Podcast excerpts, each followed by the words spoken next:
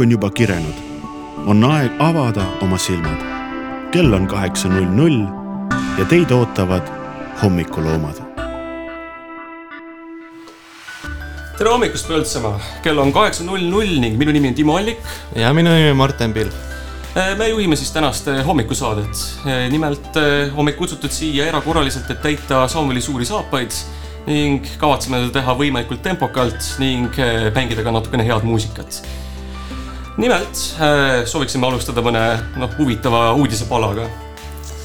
et äh, öeldakse uudistes, et äh, Ukraina boržisupp on lisatud UNESCO ohustatud äh, muinsuskaitselisti äh,.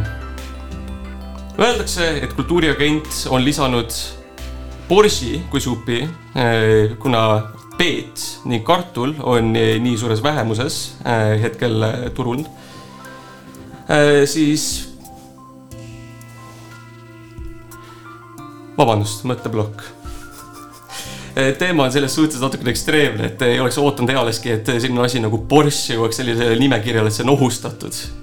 ei nagu, ei mõtle küll selle peale, et peet ja kartul järsku vähemuses on aga tegelikult suures pildis ongi niimoodi, et Ukraina ja Venemaa toodavad tegelikult väga palju juurvilja ja selliseid toitematerjale. et tõesti sellise asja peale nagu igapäevaselt ei mõtle. ja no huvitav on ka see, et eh, noh, kuna enam, enamjaolt õli ning kütusest tuli ikkagi Venemaalt, noh, see mõjutab loomulikult ka transporti, nende kulusid, eh, väetise toodangut Äh, kõigi kvaliteet nagu langeb selles suhtes, et äh, samamoodi Saksamaa ei suuda seda toota ega Euroopas ei ole mingitki riiki, kes tegelikult toodaks nii palju õli, mis äh, suudaks üleval hoida tervet seda turgu. oodatakse enamjaolt, et tuleb suur toidu- ja kütusekriis ning võivad bensiinihinnad minna kuni kolm viiekümneni aasta lõpuks. noh, enam küll väga hea uudis ei ole. noh, igastahes see oli väike hommikupala, sooviksime nüüd panna peale väikse loo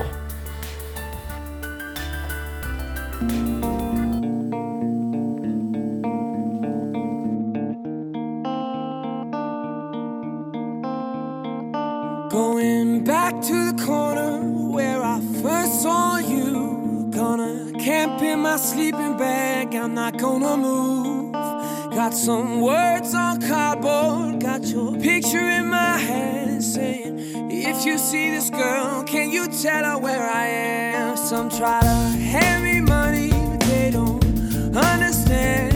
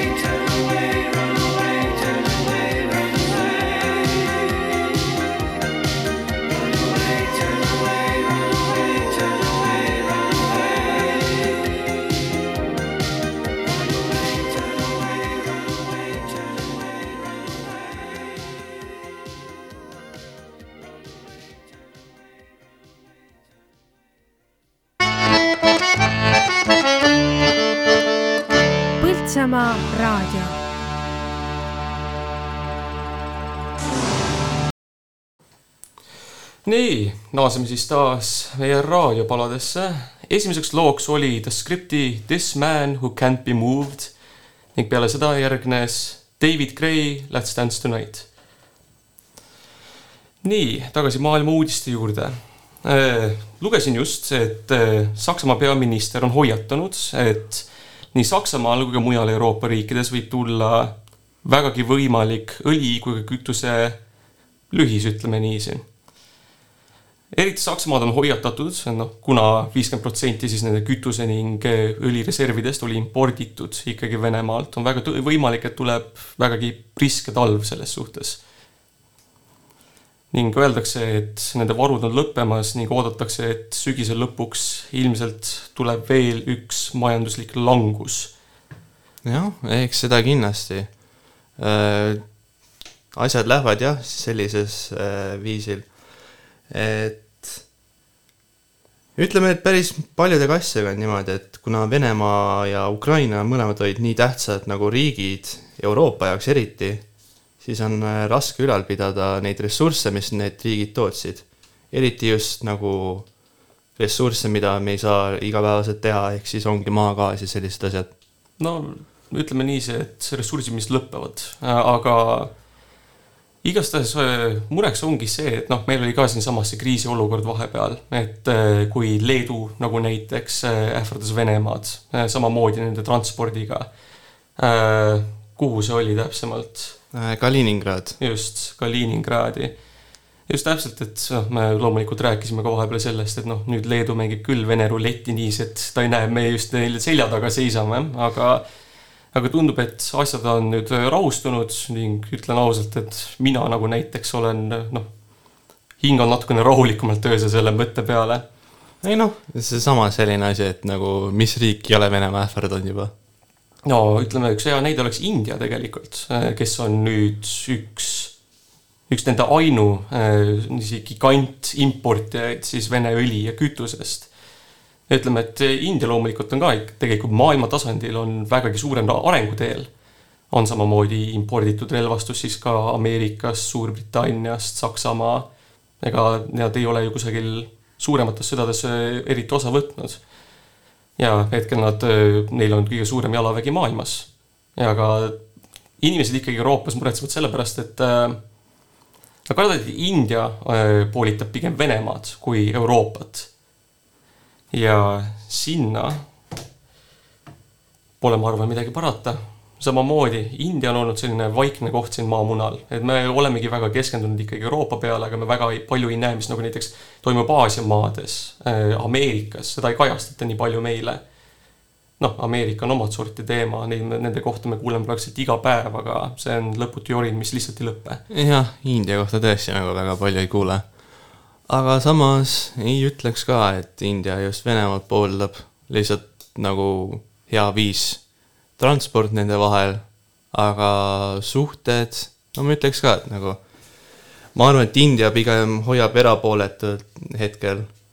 Hmm.. kuna jah, poolt on väga raske valida, sellepärast et mingil määral Venemaa on ka seostatud Hiinaga ja India ei taha mitte kuidagi ennast seostada Hiinaga. Hmm aga kui me jätkame seda teed, siis äh, leidsin ka uudistest seda, et Eesti ja Läti elektri hind erineb täna kaks ja pool korda. ja üllatav asi on see, et Eestis on see odavam, mitte Lätis ja Leedus. kui Nord Pooli Eesti hinnapiirkonnas on keskmine börsihind laupäeval üheksakümmend kuus koma kaheksakümmend kuus eurot megavatt-tunnist, siis Lätis ja Leedus küündib päeva keskmine hind kakssada nelikümmend neli koma kolmteist euroni.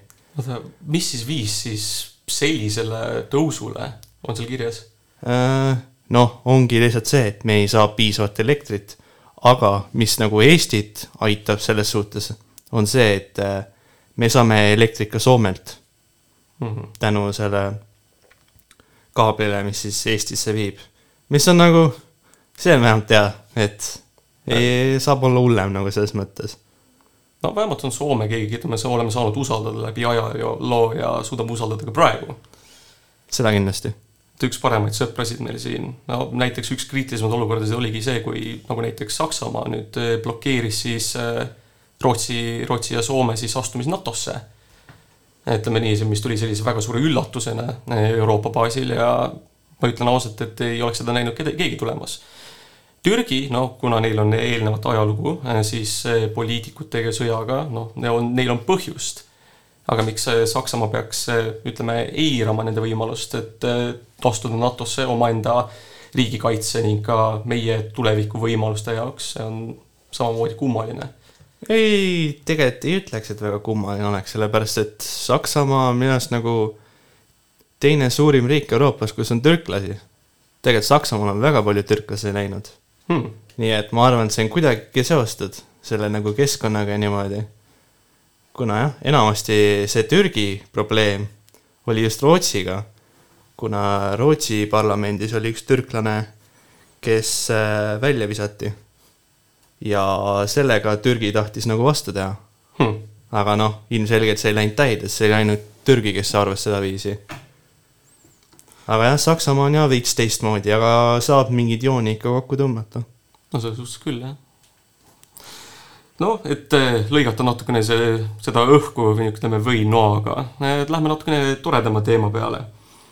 et ütleme, et maailma meedia ei ole nagu kunagi igavaks jäänud selles suhtes, et sa iga päev võid sellist igat sorti ekstravagantset eh, uudist näha, on ju, et et kuidas see või too kuulsus nagu näiteks kaklesid, on ju, kusagil sotsiaalmeedia peal.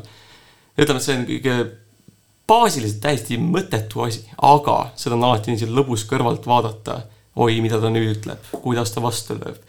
aga täna on selline huvitav uudis, mis püüdis mu silma.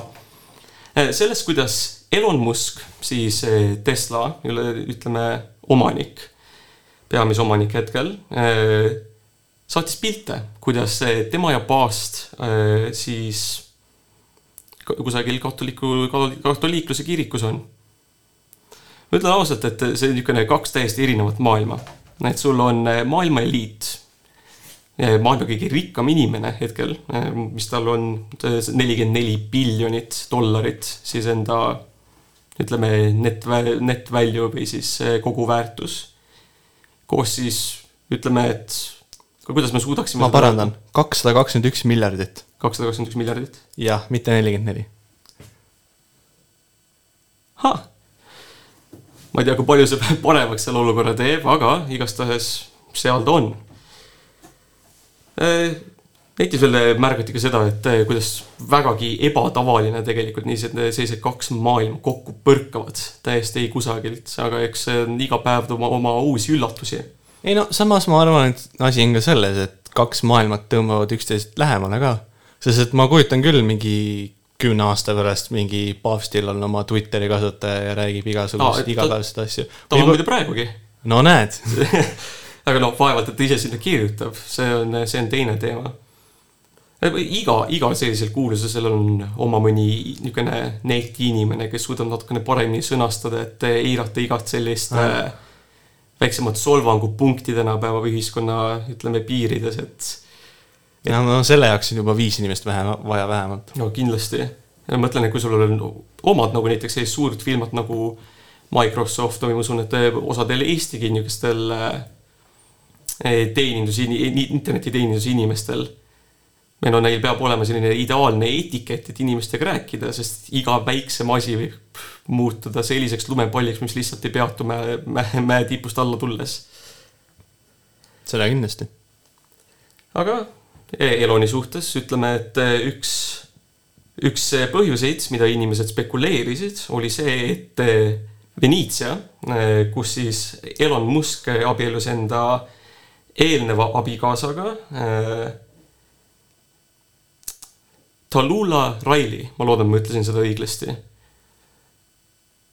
noh, see on, ütleme niiviisi, et on jagatud ka pilte, aga siin midagi erilist rohkemat ei olegi, niisugune väike huvitav asi, mida ma soovisin jagada. noh, mingi rikas inimene teeb mingit asja. ei no mitte. igapäevane. see on igapäevane no,, mida tegelikult... ei teeks tegelikult. noh, see paavst on juba oma korda tase, aga jah. eks see on lihtsalt, sa vaatad otsa ja mõtled, see juhtus ja siis lähed oma päevaga edasi.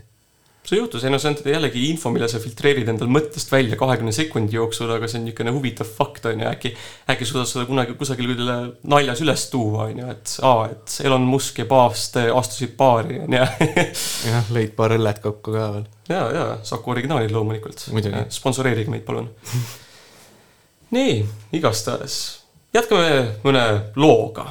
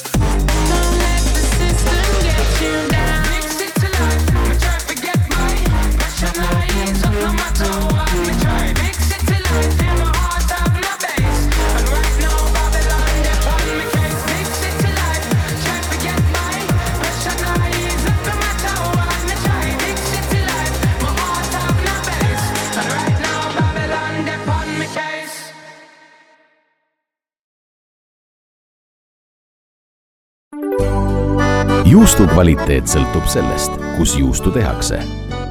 Põltsamaal osatakse juustu teha, seal hinnatakse kvaliteeti. Põltsamaa Eesti juust nii äh,, leidsin siis huvitava uudise. enne teist maailmasõda eestlaste nagu protsent Narvas oli kuuskümmend viis protsenti. aga pärast taasiseseisvumist läks see protsent nelja peale. Aga hiljuti on see arv tõusnud kuue protsendi peale, nii et Narvasse kolib rohkem eestlasi, kujutad ette? on ka nii, jah? jaa, ei no ma ma olen alati kartnud selles suhtes, et, et mis juhtuks Eestiga, kui eales oleks nii, et Eesti koosneks viiekümne ühest protsendist äh, venelastest. nagu eales ei tea, et kas meil on võimalik nagu enda, enda riigi iseloom ja kultuur niiviisi kaotada, et meid lihtsalt süüakse välja maailmast. Et äh, on alati räägitud, et, et eesti keel on nii ilus ja haruldane ja no ma loomulikult nõustun sellega, aga aga, aga mis peaks juhtuma nagu näiteks saja aasta pärast, on ju, koos selle migratsiooniga, mis nagu näiteks noh, võtame näiteks Rootsi, Itaalia, Prantsusmaa, Saksamaa, Inglismaa, kuhu kõik lähevad enda noh, ütleme, tulevad kusagilt kas Egiptusest, Aasiast, tulevad kooli, uut elu otsima, tööd, paremaid võimalusi et mis lõppude lõpuks juhtub, no ma olen, ma olen näinud statistikat, et, et need eh, nagu näiteks Inglismaal eh, moslemite, ütleme, protsentuaalne arv on niiviisi juba vaikselt enamuses osades piirkondades, eriti, eriti nende pealinnas Londonis. ja et mis peaks juhtuma nagu näiteks Eestiga sarnases olukorras. Ai kindlasti, ma arvan, et see on jaa, tegelikult päris suur mure. seepärast, kui mõelda selle peale, Eestis on ainult üks koma kolm miljonit inimest. nagu see number juba ise on päris väike. see on miniskuulne võrreldes nagu maailma skaalal. jaa, ja nüüd kujuta ette seda, et ainult üheksasada tuhat inimest räägivad eesti keelt. vot see on huvitav statistika, üheksasada tuhat, see üheksasada tuhat, kindlasti alla miljoni igastahes. Nii et üks ko- kolmandik isegi ei räägi meie keelt. no, ja no,, ja noh, eest-, eestlaste protsent Eestis on kuuskümmend üheksa protsenti. ahah, no me võtame väikselt samme tagasi juba. aga ma arvan, et tegelikult Eestis, Eesti skaalal meil on selles suhtes vägagi hinnatud see haridussüsteem. ma alles nägin nagu näiteks intervjuud, kuidas üks Inglismaa mees tõi enda lapsed Eestisse kooli, kuna öeldi, et meil on vägagi hea koolisüsteem, eriti ütleme matemaatika ja kirjanduse suhtes. et tõi lapsed siia noorest peast, et õppida ka ära eesti keel ning olla natukene multikultuursemad selles suhtes. ja ma ütlen, et see, et see on nagu huvitav, huvitav vaade tegelikult nagu lapsevanemana, et et võtta ette, tulla enda kodumaalt ära ja tuua enda lapsed kuhugile mujale kooli. just nagu selle mõttega, et aa, et siin on, siin on kõvasti parem, et ma ei, hoia neid enda, nende sugulastega, muuseas ma toon nad Eestisse. jaa, kindlasti. ja üllatav asi, mille peale nagu me ise üldse ei mõtle, on see, et tõesti, Eesti haridussüsteem on väga hea.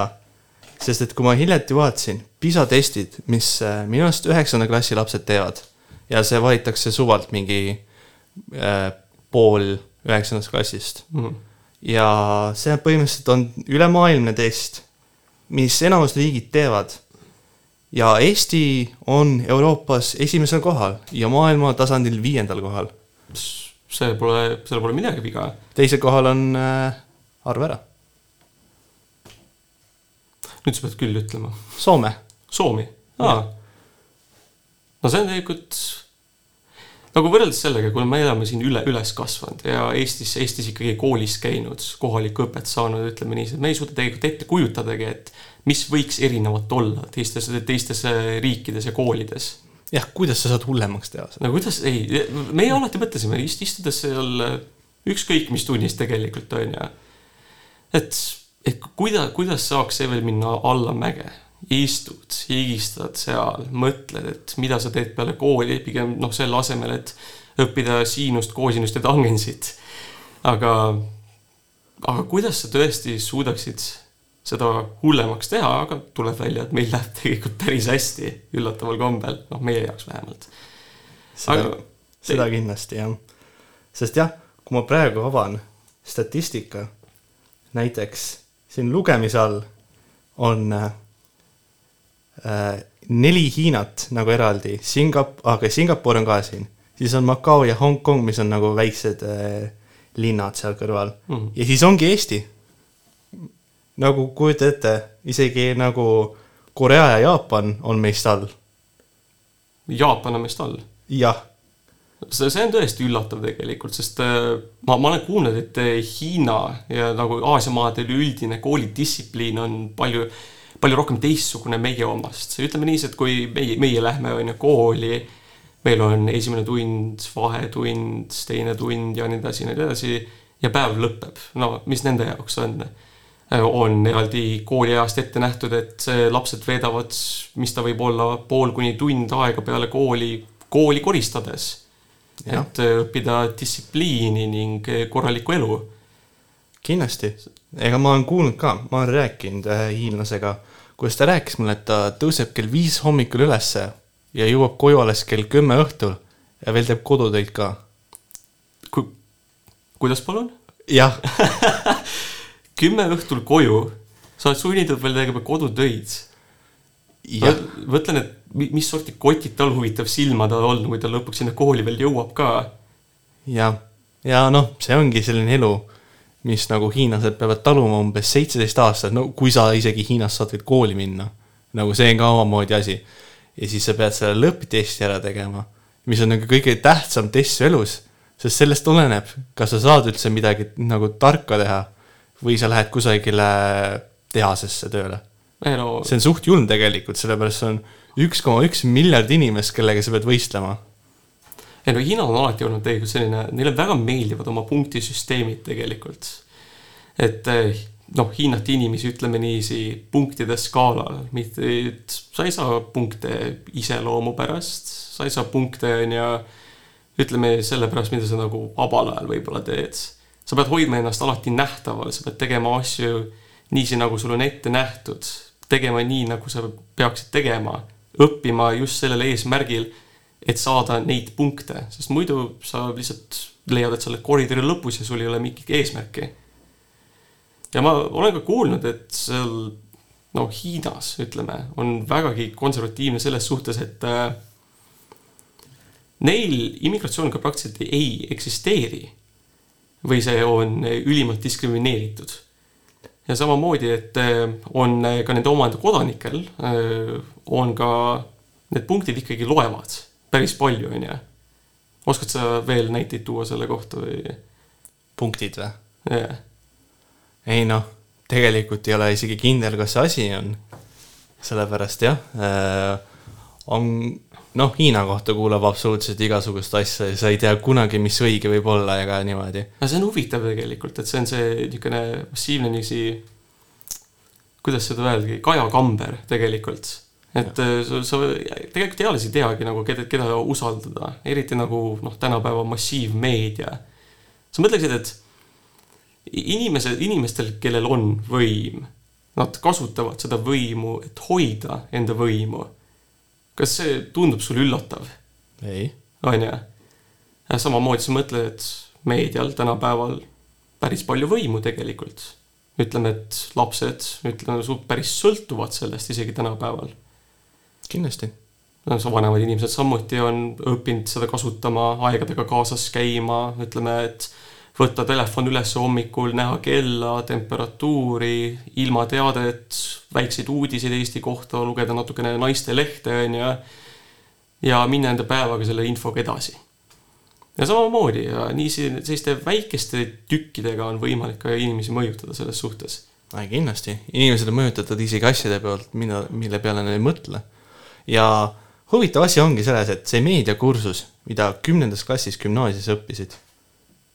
Eesti on üks ainukesi riiki maailmas, kes üldse teeb seda kuidas nagu tajuda artikleid, kuidas ise uurida asju juurde ja mis iganes meediakursuses oli. nagu väga asjakohased asjad tegelikult. ah just, samamoodi ka uurimistöö on üks eksklusiivne ala, mis meil tegelikult Eestis ju on, millest oleneb ka üks meie lõpphinnetest. et see, seda ma ei ole kuulnud küll, et kusagil eales tehtakse, ma usun, et me võtsime isegi natukene uhkust selle üle, et on meil selline lõpu, iseseisev lõputöö nagu uurimistöö. ai, kindlasti see oli nagu, see oli nagu suur lõpe üheteistkümnenda klassile. aga ma loen veel ühe, ühte huvitavat asja selle PISA testi kohta. nii äh,, matemaatika on ju äh,. Eesti on isegi Jaapanis parem matemaatikas. Koreas jäi alla kolme punktiga, aga muidu Eesti on ka äh, kuuendal kohal matemaatikas PISA testis maailma kohta. ja nagu sa tead seda äh, rassistlikku stereotüüpi nagu Aasia lapsed oskavad matemaatikat ah, hästi. loomulikult. jah, ja kuidagi me oleme järel nendega. no me oleme natukene hüpokriitilised vist, mulle tundub ma arvan ka, et me ei saaks seda stereotüüpi väga teha. Me oleme siin naernud nende peale viimased kakskümmend aastat, et ahaa, sa oskad matemaatikat, aga tuleb välja, ai, ma oskan paremini. Midagi on jah väga valesti. midagi on natukene valesti läinud.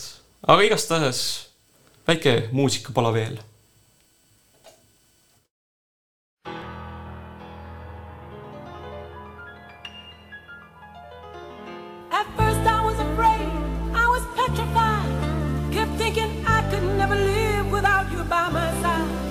But then I spent so many nights thinking how you did me wrong. And I grew strong. And I learned how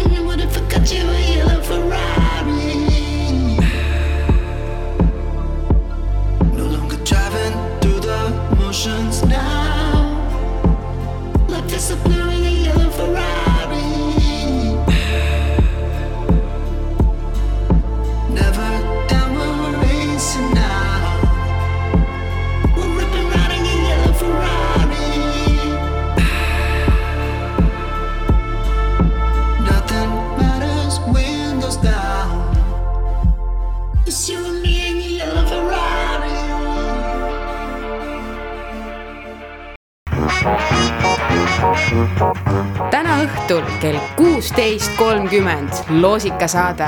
et võita, jälgi Põltsamaa raadio sotsiaalmeediakanaleid nii Facebookis kui ka Instagramis.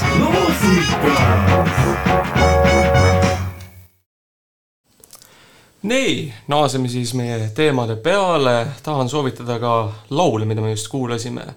esimeseks lauluks oli siis Georgia eh, Keinori I will survive ning teiseks lauluks, ma usun, et eh, popi, popi fännide niisugune tulevane lemmik, siis The Toxic Avengeri Yellow Ferrari. nii, ja siis äh, praegu võtame üles äh, siis sellise huvitava teema, mis ma leidsin. top viis Briti hommikusööki. Briti hommikusööki jah, Need, need inimesed, kes istuvad seal teisel pool, teisel pool kusagil ookeanis ja ma ei tea, söövad ubasid ja saia hommikuti. ja väga palju peekonit. Väga palju peekonit, see on ameeriklaste teema pigem. ei, see on jah ikka inglaste teema ka. et siis ongi siin esimene pilt ja ongi selline täis inglise hommikusöök, kus on siis pildi peal näha äh, tomatit, seeni äh,, muna, peekonit ja siis veel ubasi. no oad on nagu loomulik asi. ja no see, seda see nagu jah, see on loomulik, aga terve pannitäis toitu kohe hommikuks ära süüa, see on nagu huvitav. see, see, see kõlab nagu niisugune maahaigus, mis nagu noh, juba ootab nagu tegemist. aga no ütleme, et kui, kui me arvutaksime praegu silma järgi kokku selle, selle pildi seal, kui mitu kalorit sa arvad, et sellel terve panni peal on, mis läheb nagu niiviisi näo kohta, oletame no okei okay., ma ütleks, et kõige hullem asi siin on ikka äh, need neli lõiku peekonit siin, aga samas siin on nagu kaheksa seent ka, onju. mm.. ja kui need on ikka panni peal tehtud seened, siis need saavad ikka õliga kokku ja niimoodi. ma, ma ei tea nagu, kui kaloririkkad tegelikult seened on, aga ütleme, et selline kaheksasada-üheksasada kalorit no siin panni peal näha.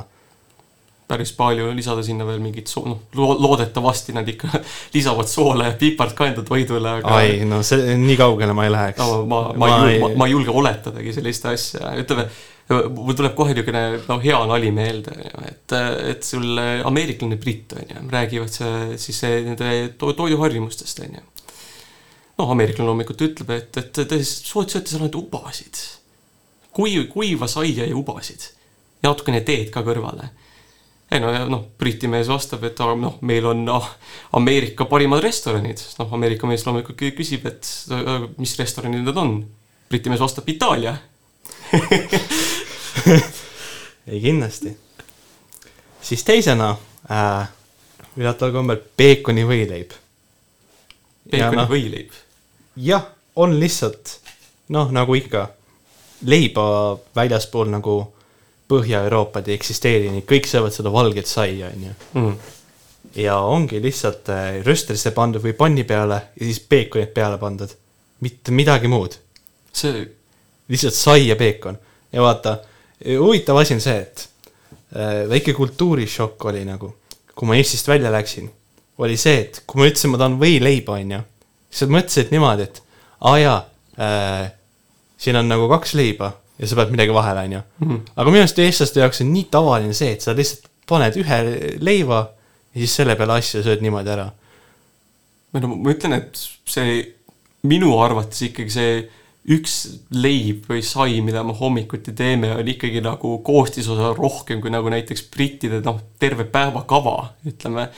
kui me viskame nagu näiteks, okei okay,, kujuta ette, sul on leivatükk, sa viskad sinna peale sink, kurk, tomat, kasvõi mingit lehtsalatit on ju, vaatad, et aa, paned mõne eilse pihvi ka veel sinna peale on ju, mis sul üle jäi ahjust lõigud veel sinna juurde, paned natukene soola, võib-olla pipart isegi, kui sa oled väga niisugune avastusloominguline ja nii, nii edasi, nii edasi. ja no sama hästi, sa lugesid just ette, on ju, noh, ma, ma just nimetasin vist kuus-seitse mingit erinevat koostisosa ja pluss siis veel maitseained. mis, mis seal brittidel oli? oad, peekon ja seen, seen. muna ja tomat. aga no ei, ikka rõhk on ikka selle peal peekoni võileib. sest vaata, ei hakka nagu, kui sa juba nii palju asju topid võileiva peale sa ei hakka teist peale toppima. Mis mõttega, see võtaks maitse ära ju. jah, just ja noh, sa saad lihtsalt lisasaia ka. nagu mõnes mõttes on see samas hea, sellepärast et tegelikult saiapakid on väga suured ja sa, noh, sa sööd saia tavaliselt ikka hommikuti, on ju. ja need ei kesta väga kaua sul.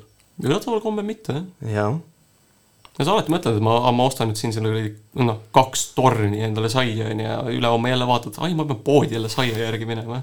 muidugi. ei no üllatavalt kiiresti haihtub tegelikult, sa nagu kunagi tegelikult ei mõtle selle peale, samamoodi noh, piim, sai, ütleme niiviisi, et ma ei tea, vanem antud marineeritud seened on ju, kõik hea. kõik, kõik, kõik haihtub, ütleme niiviisi, silmapilkselt tegelikult. ja ta, mulle, mulle isegi meeldiks öelda, et Eesti nagu söögikultuur on tegelikult nagu päris rikkalik tegelikult. kindlasti. nagu võrreldes ütleme, et ma, ma, ma olen näinud natukene nagu multikultuurilisemat sellist toitu, on ju, ma olen, me oleme ise aega veetnud Taanis. Me oleme, mina isiklikult olen ka käinud Ungaris, Ungari, ma ütlen ausalt kuulajatele, et kui on eales mõnda toidurikast ja ütleme nii, see natukene veinimaailma vaja avastada, siis kinda-, kindlasti minna reisile Ungarisse jaa. ja igastahes tulles tagasi Inglismaa toidu, toitude juurde, mis seal nimekirjas veel võib olla? sul on tee ja rösssai. see on kõik. Okei okay,, no päris kõik ei ole, aga pealkiri on selline tee ja rösssai. noh, selle saia peale, no see on nüüd juba magus, on ju. Mhm. et seal on pannud mingi soolatud võid, väga huvitav.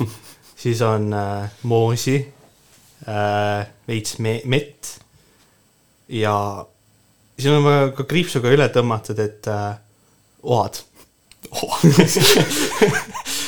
ohad on maha tõmmatud. see on maha tõmmatud. aga jah, siin see on. Et ikka enamus mingi moos või, või sellised asjad, et sa jood teed ja sa sööd röstsaia, onju. see on selline tüüpiline, onju. Mhm. aga ma ei ütleks, et see maitseelamus on. ohad on juba selline asi, mis nagu natukene tõukab mind eemale, et äh, no aga, aga kas, kas, ma proovin praegu mõelda, kas on ka nagu Inglismaast hullem, me oleme, me oleme tegelikult noh, samamoodi ka prantslaste üle nalja teinud, et aa, et söövad konnasid ja joovad veini onju ja võtavad endale magustoiduks ühe sigareti ka veel lisaks ja kindlasti. aga Inglismaa, peekon, oad, kuiv tükk saia ja kui väga selline seiklushimuline oled, siis paned natukene mett ka. aa ei, nojah. see on, ma ei tea, viskad lihtsalt kõik, mis külmkapis on peale ja ütled, et see sobib. noh, see on hea nüüd. see on hea nüüd. Jaa. sa võtad se- selle ja naudid seda. see, ma, ma ei ütleks, et nad naudiksid, ma ei, ma ei ole kuulnud mitte No. ühtegi britti, kes ütleb, et ah jah, meie toit on hea. mu lemmik, oad, aitäh.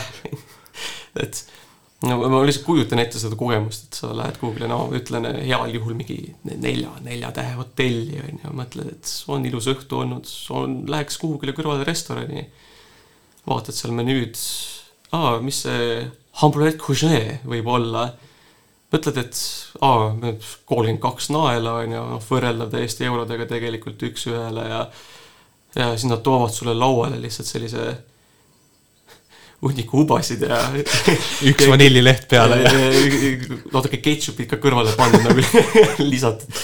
ja kui väga julge oled, siis sool ka kõrvale. no ja ja kui, kui sa oskasid küsida, siis sa said äkki nagu tekiks see kuiva saia ka endale sinna kõrvale, et alla pühkida seda natukene ja võib-olla natukene rauavett ka.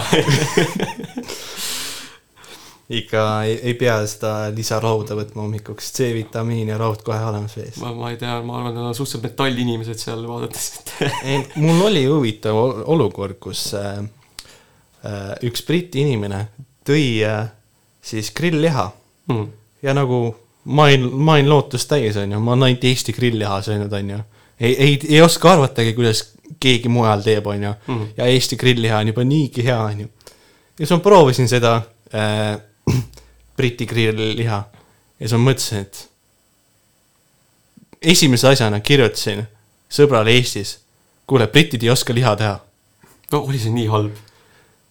see, jah, sa, sa lihtsalt said selle, saadeti sulle, ei, see ei. saadetud mulle see oli lihtsalt äh,? sain Britiga kokku ah.. see oli Norras, kui ma Norra sain. aga nagu ühest kümneni skaalal oli see? oi oh, jah. no, no kui me võtame no ilma... selline nätske kuiv lihatükk, ütleme ah. selline tugev kolmkümnest. võrreldes selle Elmari tantsuõhtu grill-lihaga on see oi ei, sinna ei anna võrreldagi, Elmari tantsuõhtu grill-liha on kaheksakümnest, ütleme no.. kui, kui juba skaala peale niimoodi panna no igastahes lähme väikse pausime, pausile ja naudime natukene veel muusikat.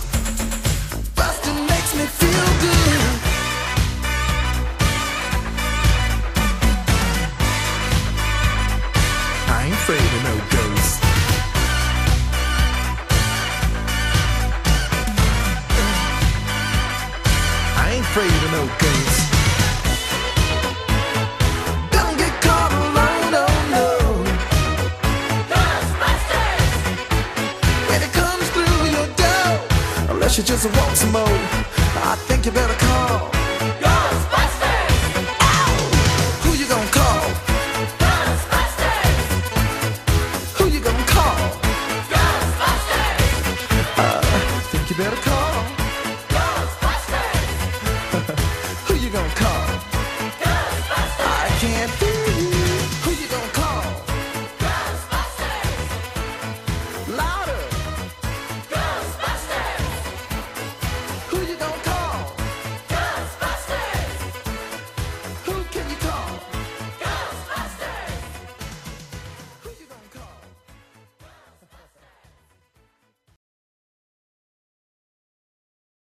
oled kuulnud Põltsamaal linna ääres paiknevast pikaaegsest ettevõttest?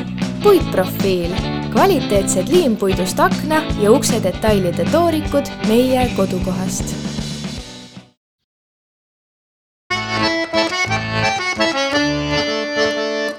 Põltsamaa raadio nii, naaseme siis tagasi jutu juurde. No kuna me oleme jutu teema peal, et me oleme rääkinud siin Inglismaast, Ukrainast, Venemaast, oleme Indiast isegi jõudnud rääkida. üllataval kombel. päris kaugele oleme jõudnud tegelikult. las ma mõtlen veel. Hiina, Jaapan, Eesti kooli ja haridussüsteemi selline nagu supervõim üle teiste riikide, ütleme niiviisi, sellisel testilisel skaalal. üks huvitavaid teemasid oleks nagu näiteks noh, ütleme, et Ameerika on ju, ütleme et nagu riik, mis on nagu koosneb nii paljudest erinevatest osadest, mis on nagu no ütleme niiviisi ilusti poolitatud nagu viitekümmet ühte erinevasse spektrumisse, erinevasse osariiki. Kõik niiviisi erinevalt niisugune vikerkaariline ja huvitav, et noh, ütleme, me oleme, me teame neid stereotüüpe ka väga hästi, et et noh, mis sul Floridas on, Floridas on kusagil mingi Crocodile Dundee on ju, kes krokodillidega seal eh, maadleb, ütleme niiviisi päevad läbi. noh, ütleme, et California, kust kõik noh, kunstiõpilased tulevad, et teiste osariikide niiviisi tuju rikkuda. noh, niisugune New York on ju, kus ütleme, et rottid on selline noh, peamine populatsioon nüüdseks, päris palju huvitavat on seal kuulda. ja kui me võtame veel näiteks, noh, mis see keskmistest osariikidest, Kentucky, Alabama, väga palju nendest ei kuulegi tegelikult, ainult need ekstreemsemad valikud ja variandid. jah, no ma lisan veel, et ongi nagu Florida neid huvitavaid uudiseid on see, et Floridas pü- püüdi just kinni sajakilone püüton, mis on nagu maailmarekord. Püüton? püüton, nagu selline nagu maa, maolaadne ikkagi. jah, noh, kui kujutada saja, saja kilost madu. väga, ei suuda kujutada, kui pikk ta nagu näiteks võiks olla, et äh, sada kilo, sa mõtled, et nagu, kui sa mõtled maa peale, on ju, siis sa mõtled nagu niisugune kobra, on ju, et niisugune mõtled, et see mahub sulle ossa, see on ikka päris suur, nüüd kui sa pilte näitad. okei okay,, me ütleme niiviisi, et visuaalselt, et äh, teelaiune.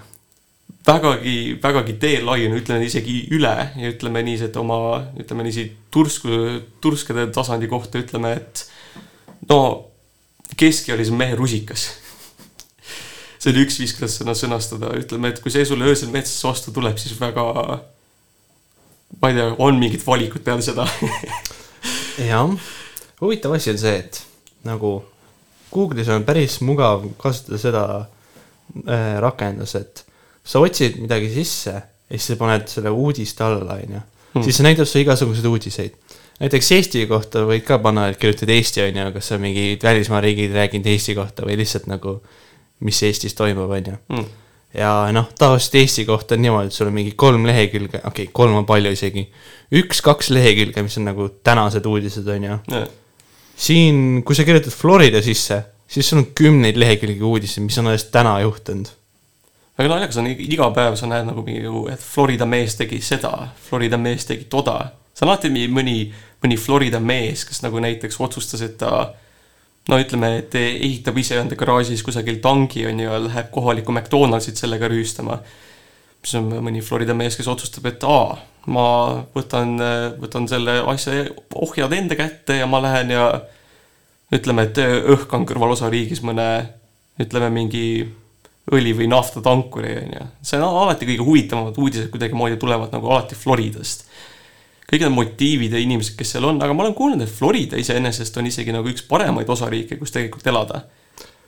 seda küll jah, ma vaatasin ka, et Florida ei ole nagu kõige kallimate seas ka ja nagu üleüldse tundub nagu üpris elatav koht selles suhtes ka, et nagu no see on suht ühtlane kliima tegelikult.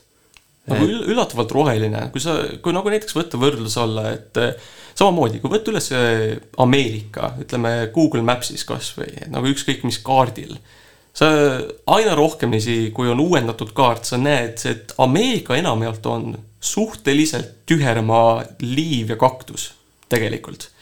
jah, ütleme, et üks kolmandik on nagu korralik kõrb ja nagu kõrv, kõrvedel nagu kombeks on, nad laienevad.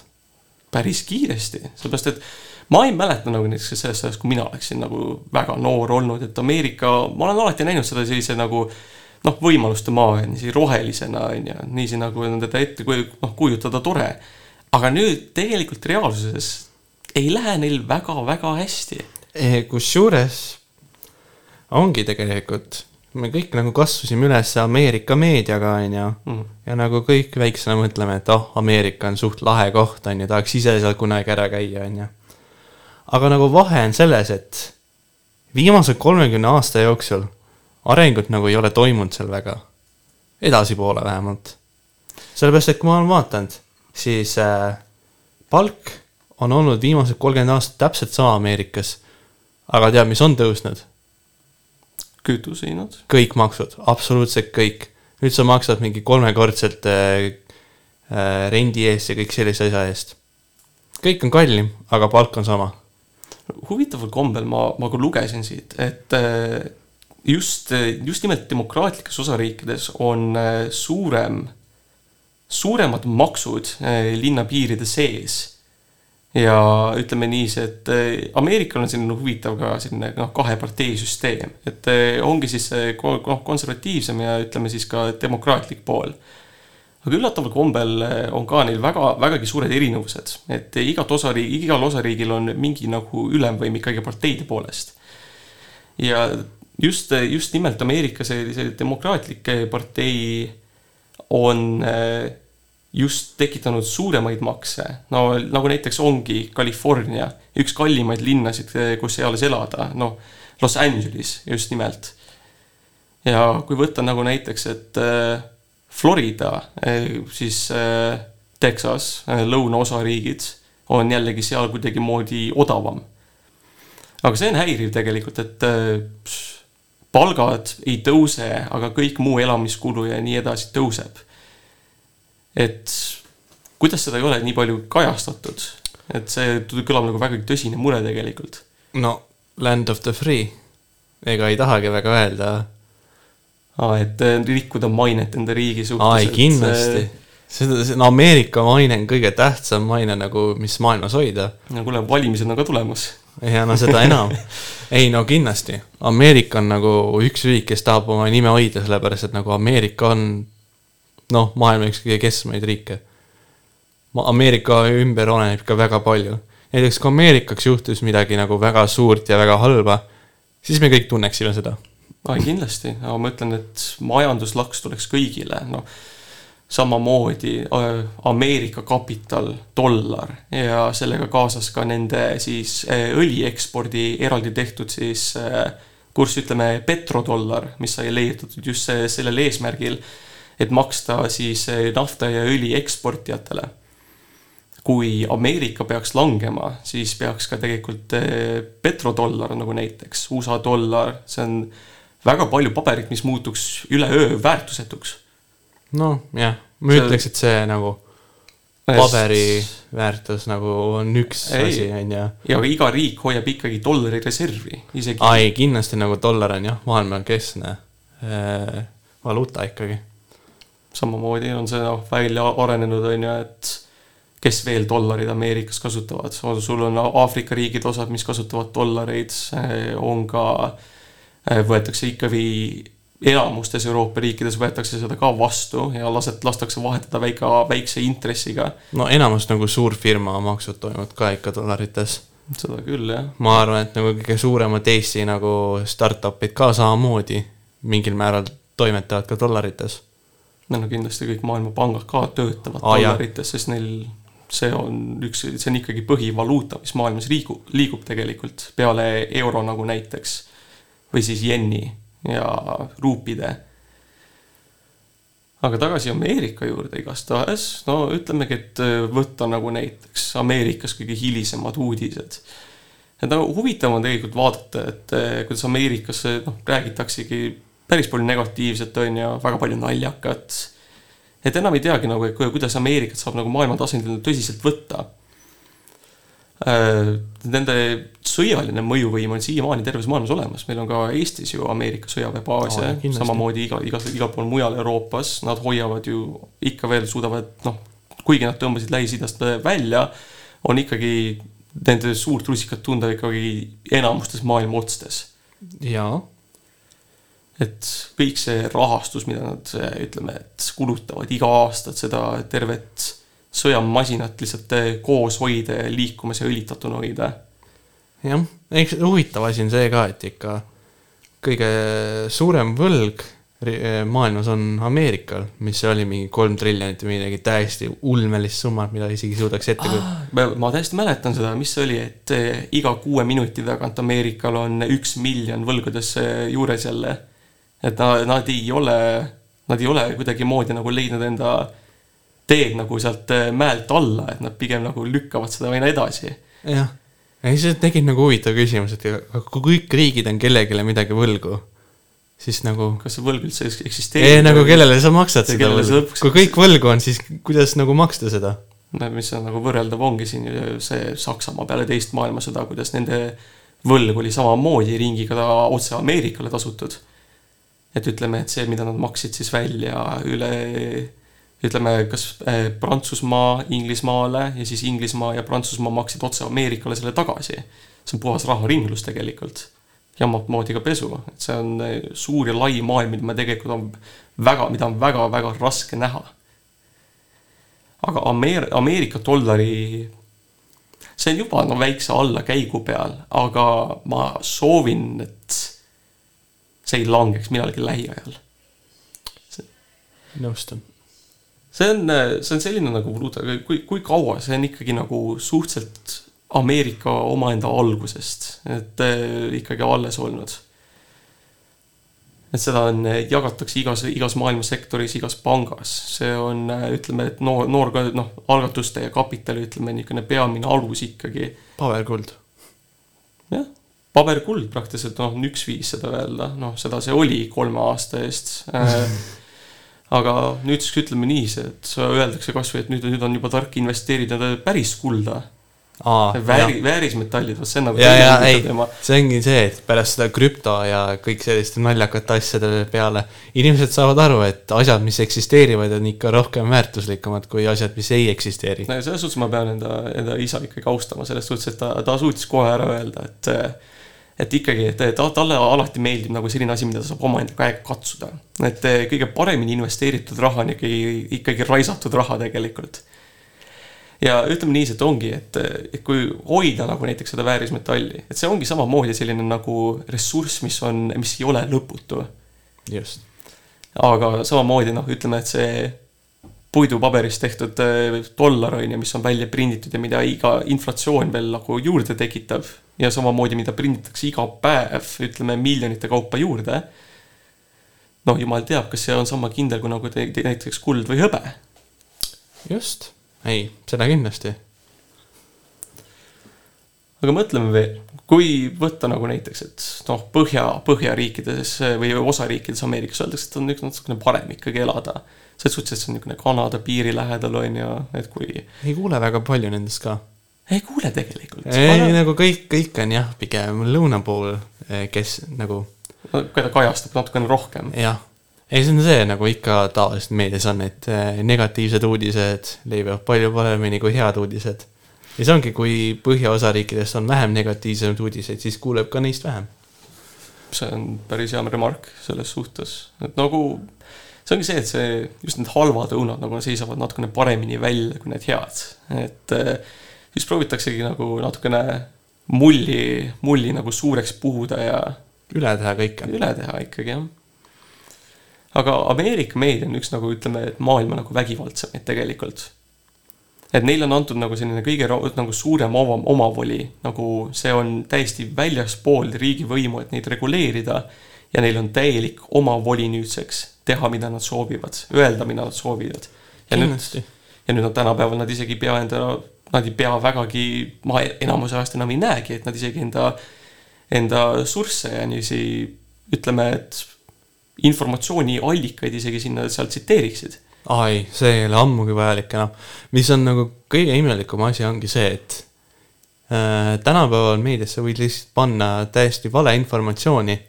Keegi ütleb, et see on valeinformatsioon, aga midagi ei juhtu sellega. mis on nagu päris huvitav tegelikult. sellepärast, et sellisest valeinformatsioonist, mis on üles jäänud interneti ja ajalehtesse ja niimoodi, mis on juhtunud, on kõik see anti-vax inimesed ja niimoodi, kõik on tulnud ühest artiklist, on ju. ja nagu kujuta ette, kui oleks maailm, kus on niimoodi, et äh, artikkel, artiklis on mingi vigu, on ju, või terve artikkel on lihtsalt vigane ja vale, on ju, siis äh, loogiline oleks, et see äh, autor, selle artikli autor võtaks selle maha ja siis kirjutaks nagu äh, kirja, et ah jah, see info oli vale, pidin selle maha võtma ja sellist asja. sa ei näe seda väga palju tänapäeval. ei, seda ei näe see üldse., see on äh, uh,. uhkus on väga tä-, nagu oluline tänapäeval. et inimesed nagu ei küsi andeks nagu. No reputatsioon, see on see, et nagu säästa nägu üle kõige. jah. et see, ma arvan, et see on osa ka sellest, et kõik nagu see viieteist minuti nagu kuulsus, kõik unustavad ära. see on see, et uus asi tuleb uuesti nagu kohe peale seda peale, kõik unustavad, sinu nagu löök on tehtud, on ju, see jääb sinna ja inimesed liiguvad edasi sellest. ja ma isegi ütleks, et äh, see intervall jääb aina väiksemaks ka tegelikult. sest et jah, meil on ikka nii palju informatsiooni tänapäeval, mida me lihtsalt, mis surutakse peale ja me lihtsalt lähme sellega kaasa, igasugused uued trendid ja niimoodi, on ju. kunagi, ütleme noh, kunagi kümme aastat tagasi juhtus midagi lahedat, mingi trend, on ju Mm. inimesed rääkisid sellest nädal aega, on ju. tänapäeval heal juhul üks, üks nagu jutt no samamoodi sellega tegelikult, et äh, tänapäeval on tegelikult selline nagu ab- absurduudis on nagu muutunud selliseks äh, uueks ja trendikaks tegelikult. et kui sa võtad nagu näiteks, et inimesed räägivad nagu aina rohkem noh, kuulsuste eludest on ju, et äh, kuidas ma ei tea, Jüri Pootsman tegi seda, on ju, et äh, Ott Kiivikas käis seal kusagil investee-, investorite messil ja nii edasi ja nii edasi ja see ongi see, et nagu mingi kuulsuste draama, kuulsuste elud, see ongi selline ekstreem, ekstreemsed uudised ja sellised nagu väiksed nagu hititükid, mida keegi tegelikult ei küsinud, aga mis, mis samas ei Saab anna. Mis no,, mis samas nagu ei anna väga palju informatsiooni, aga need ongi nagu omat moodi mingid absurdsed kiired, need lähevad kiiresti meelest ja need teenivad palju. jah, ei kindlasti on, no tegelikult ma ütleks, et see isegi uus asi on. ma arvan, et see on ikka päris ammu, sellepärast et jah, kunagi oligi niimoodi, et sa pidid ajalehte täitma ja nagu uurid, et mis see kuulsus tegi see nädal, kus ta kohvi jõi, mis äh, marju ta sõi oma aias, on ju Mhm. kõik see oli nagu asjakohane, sest see lihtsalt täitas, täitis nagu ajalehte, on ju. aga noh, nüüd tehtakse seda edasi informatsiooni nagu jälile saab palju lihtsamini ja seda jagada on ka palju lihtsam.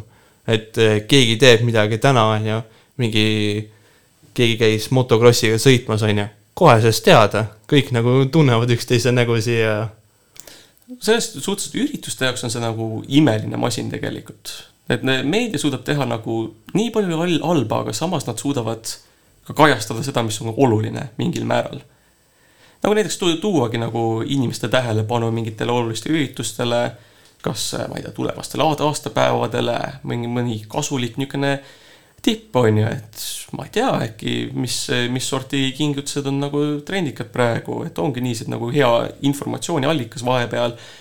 aga vahepeal ka sellised ab- absurduudised, mida ütleme,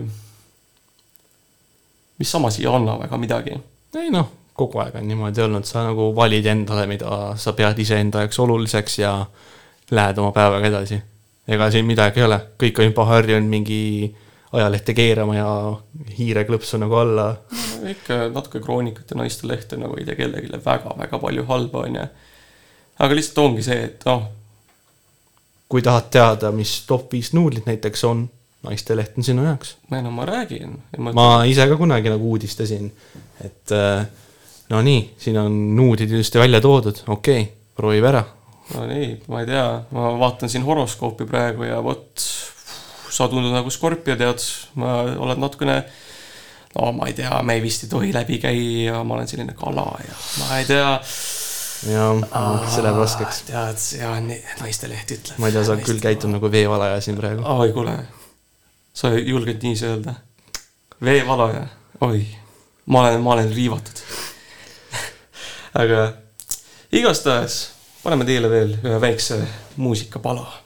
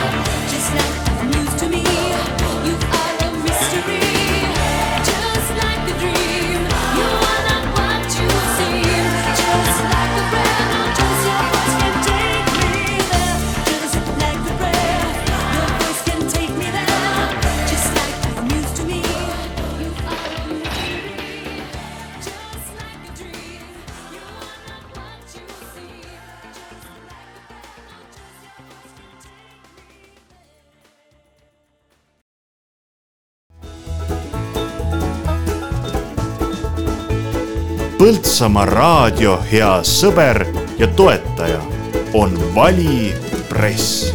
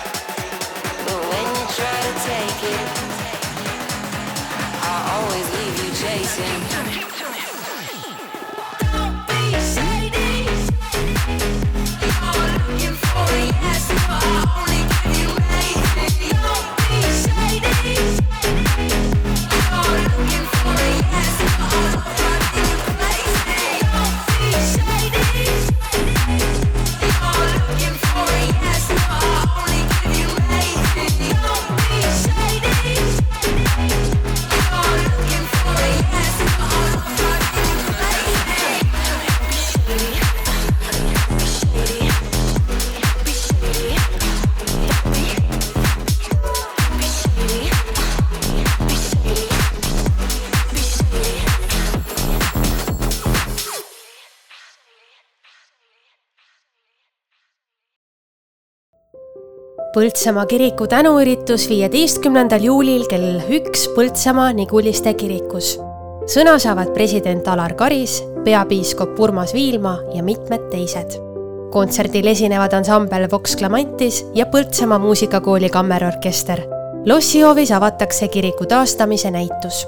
ürituse lõpetab ühine rongkäik Roosisaarele, kus toimub ühislaulmine viieteistkümnendal juulil algusega kell üks Põltsamaa Niguliste kirikus.